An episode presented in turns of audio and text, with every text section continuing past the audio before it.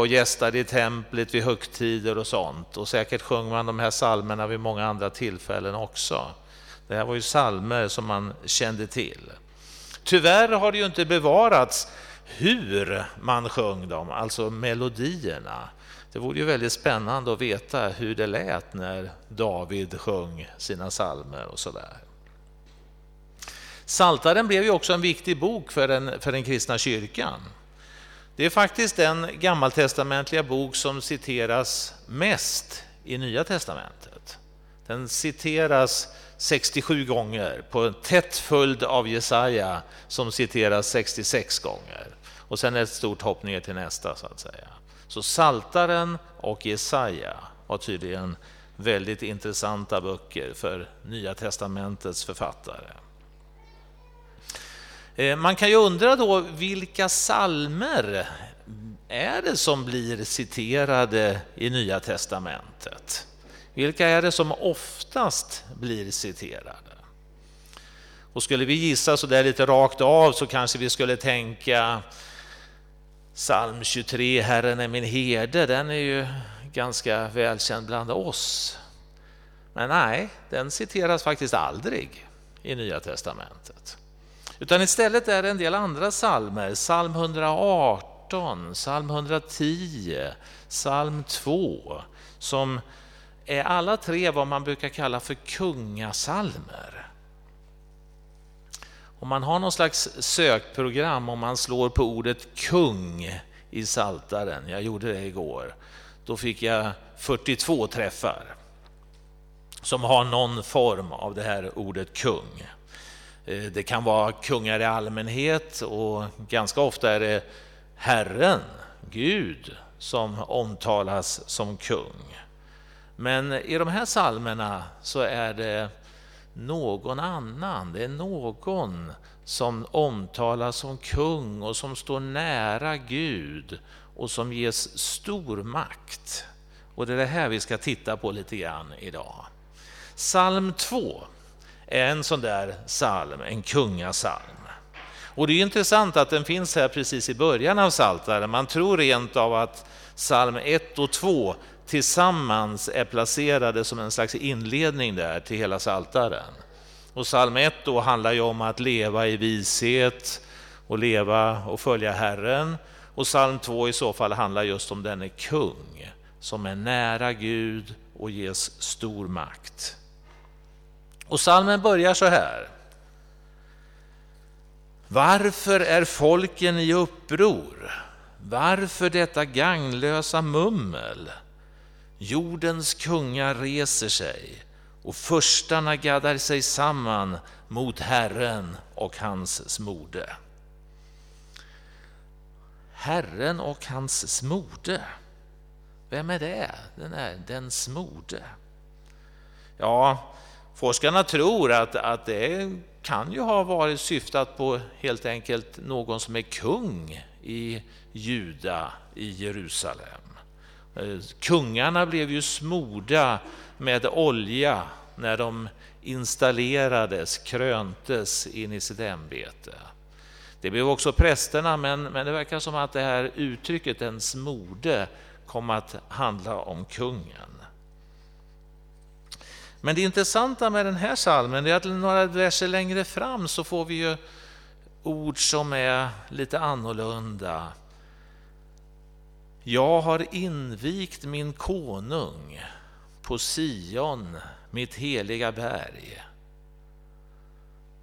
Och så är det som att kungen själv talar. Jag vill berätta vad Herren bestämt. Han sa till mig, du är min son jag har fött dig idag. Och så är det som att Gud talar igen. Be mig så ger jag dig folken som arv och hela jorden som egendom. Ja, det här skulle ju vara väldigt stora ord att säga om någon liten obetydlig kung i landet Israel. Alltså även om det handlade om David eller Salomo så var ju ändå inte deras riken så stora. Ehm, om man funderar på, kan det här ändå ha sagts till någon kung i Jerusalem? man tänker sig, ja kanske det är klart om det nu är den här kungen är nära Gud så är ju Gud hela jordens konung.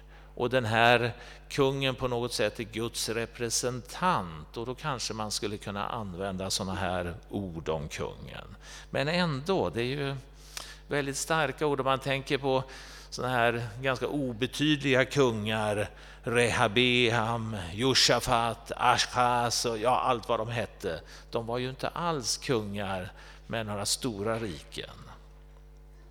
Så det här var nog inte bara salmer som man sjöng när någon blev krönt till kung i Jerusalem. Långt senare i historien, i Gamla testamentets historia, så hade man ju ingen kung. Och man fortsatte ju att sjunga de här salmerna, de här sångerna. Så att, ja, vem sjöng man då om, blir ju frågan.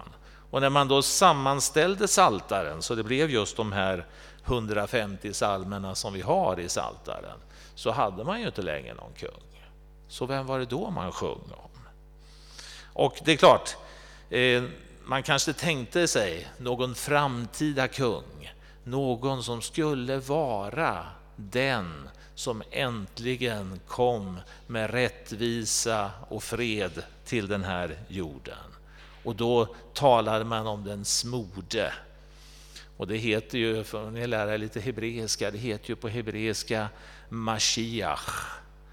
Och när ni hör det så kan ni nästan förstå att det är det ordet som blir till Messias. Mashiach blir till Messias.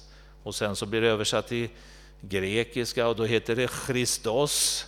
Och det är klart, det är ju det som blir Kristus. Så den smorde är Messias, Kristus.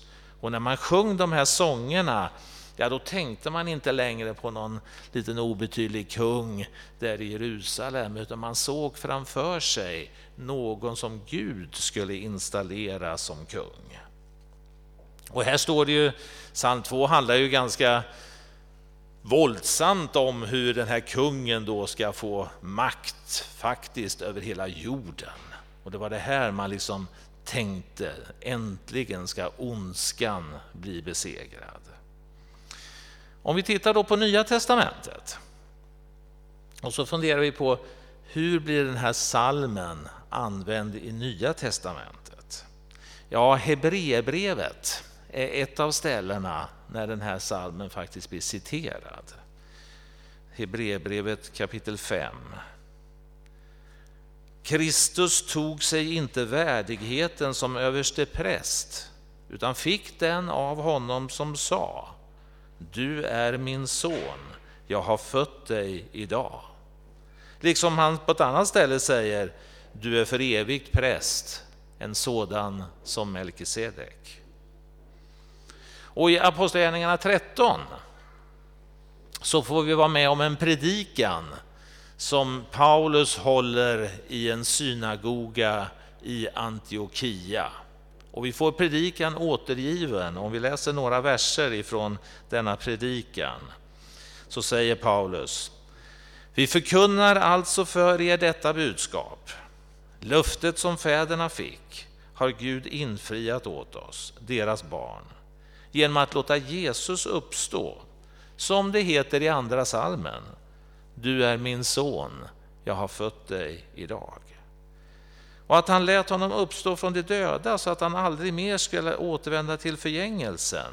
Det har han sagt med dessa ord.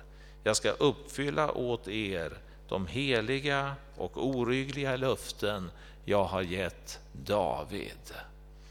Och just den här Davids anknytningen, att Messias skulle vara liksom en ny David, en ännu större David. Ni ska alltså veta, mina bröder, att genom honom förkunnas syndernas förlåtelse för er och genom honom blir var och en som tror rättfärdig och friad från allt det som ni inte kunde frias från medan ni stod under Mose lag. Ja, detta var en predikan av Paulus som ledde till att många kom till tro. Men det var ju också så att det ledde till oenighet och alla höll inte med Paulus. Så psalm 2 i Saltaren handlar alltså för Nya testamentets människor om en frälsare, en Messias som kommer för att ge syndernas förlåtelse och rättfärdighet åt var och en som tror på honom. Ska vi titta på en psalm till? Psalm 110. En psalm som av flera skäl var viktig i Nya testamentet. Den blir citerad ett antal gånger faktiskt. Och det var den som vi nyss hörde citeras lite grann ifrån. Ehm, en ovanlig psalm. Och man kan undra, när de sjöng den här psalmen, redan från början, tänkte de då på någon kung i Jerusalem? Eller var det rent av så att de från början tänkte på något mycket större som Gud skulle göra? Det talas inledningsvis om att den personen ska sätta sig på Guds högra sida och han ska bli given makten att regera. Och sen så dras den där parallellen till Melkisedek som vi hörde alldeles nyss. Så låt oss läsa psalm 110. Så lyder Herrens ord till min härskare. Sätt dig på min högra sida, så ska jag lägga dina fiender som en pall under dina fötter. Din kungaspira sträcker Herren ut från Sion, härska nu bland dina fiender. Villigt samlas ditt folk, idag då makten blir din. På heliga berg har jag fött dig, som dagg ur gryningens sköte.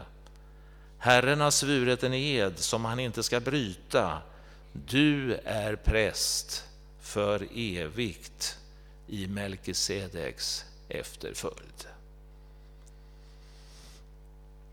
Ja, nu vet vi att den här salmen tolkades på nytestamentlig tid av inom judendomen som att den handlade om Messias. Det är faktiskt så att Jesus vid ett tillfälle använder sig av den här salmen för att liksom täppa till munnen på sina motståndare bland de skriftlärde. De har ju ställt svåra frågor till honom gång på gång och försökt att liksom sätta dit honom. Och nu tycker väl Jesus att det är dags att ställa en sån där besvärlig fråga tillbaka. Så att vi har i Matteus 22 återges det då hur Jesus syftar på den här salmen, eller citerar den här salmen. Då fariséerna var församlade frågade Jesus dem, vad anser ni om Messias? Vems son är han? Davids, svarade de. Då sa han, hur kan då David på andens ingivelse kalla honom herre och säga Herren sade till min herre, sätt dig på min högra sida så ska jag lägga dina fiender under dina fötter. Om nu David kallar honom herre, hur kan han då vara Davids son? Ingen kunde svara honom och efter den dagen vågade heller ingen ställa frågor till honom. Lite roligt där att han, ja, så blir det slut på det frågandet och besvärliga frågor hit och dit. Och just den där kommentaren som Matteus sa på slutet.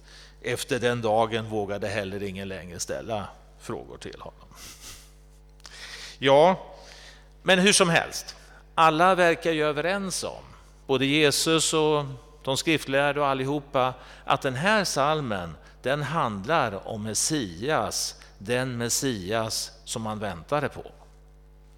En Davidsättling, och David kallar honom, det är en psalm av David, David kallar honom för min Herre. Och han sitter på Faderns högra sida. Och så kommer det här med Melkisedek. Ja, vad vet ni om Melkisedek? Ja, vi pratade lite om det igår, ni som var med då. Eh, Melkisedek, ja, vi vet ju egentligen väldigt lite om honom. Han eh, dyker upp i första Moseboks 14 kapitel och, och möter Abraham. Sen hör vi ingenting om denna Melkisedek förrän han nu dyker upp i psalm 110. Och sen hör vi ingenting mer om honom förrän vi kommer till Hebreerbrevet. Hebreerbrevets författare verkar väldigt fascinerad av Melkisedek. Så där får han ganska stort utrymme. Kapitel 7 i Hebreerbrevet handlar väldigt mycket om jämförelsen mellan Melkisedek och Jesus Kristus. Då. Och poängen verkar ju vara det att den här Melkisedek, när han träffar Abraham, så sägs det om honom att han är både kung och präst. Och han välsignar Abraham och Abraham ger tionde till den här Melkisedek. Så att ja, han är kung och han är präst och han kommer från ingenstans och man vet ingenting om honom. så att säga. Det verkar vara det intressanta med Melkisedek för Hebreerbrevets författare och, och verkar också för psalm 110. Någon som sitter där på Faderns högra sida och som är både kung och präst. Det är inte konstigt att den här salmen blev väldigt viktig för de första kristna. Jesus Kristus var ju en överste präst eh, på ett väldigt speciellt sätt. Hebreerbrevet handlar mycket om det här. Han gick in i det allra heligaste, inte med bockars och kalvars blod, utan med sitt eget blod. Han gav sitt liv för att människor skulle få syndernas förlåtelse och evigt liv. Han ger sig själv till offer. Och det är någonting som inte behöver göras om och om igen, utan det är någonting som är gjort en gång för alla genom Jesu död och uppståndelse. Så det här var någonting som syftar så att säga på Jesus och Hebreerbrevets författare är väldigt fascinerade över det här. Och vi kan läsa ifrån Hebreerbrevet 9. Men nu har Kristus trätt fram som en överste präst för det goda som skall komma. Han har gått genom det större och fullkomligare tält som inte är gjort av människohand, det vill säga inte tillhör denna världen. Och med sitt eget blod, inte med blod av bockar och kalvar, har han en gång för alla trätt in i helgedomen och vunnit befrielse för evigt. Om nu blod av bockar och kalvar och stänk av askan från en kviga helgar de orena så att de blir rena i yttre mening, hur mycket mer måste då inte blodet från Kristus, som i kraft av evig ande har framburit sig själv som felfritt offer åt Gud, rena våra samveten från döda gärningar så att vi kan tjäna den levande Guden. Ja, Hebreerbrevets författare verkar fascinerad av detta. Att nu har det hänt någonting som fullständigt har ändrat människans villkor. Och det är någonting som gäller för alla folk, alla människor i alla tider. Så, vad kan vi dra för slutsatser? Vad, kan vi dra, vad spelar det för roll? Vårt tema har varit för igår och idag Jesus i Gamla testamentet och idag Jesus i Saltaren. Ja, man kan väl säga att vi ser Guds omsorg om människan. Gud är den som handlar för att rädda människan. Och detta pågår genom hela historien. Man kan se att det börjar från första stund att Gud söker ett sätt att rädda människan. I Gamla testamentet har vi en utväljelse som börjar med Abraham och Israels folk. Och denna utväljelse är att de ska vara ett rike av präster och ett heligt folk. Och detta är också det som för över till Nya testamentets tanke om vad vi ska vara åt Gud. Och det blir allt mer uppenbart i Gamla testamentet att det som Gud vill göra kan inte åstadkommas genom hela detta folk. utan det är någon ur detta folk som ska bli denne Messias, denne konung och präst som kan befria människor. Och det är det som är Nya Testamentets glada budskap. Befrielse finns.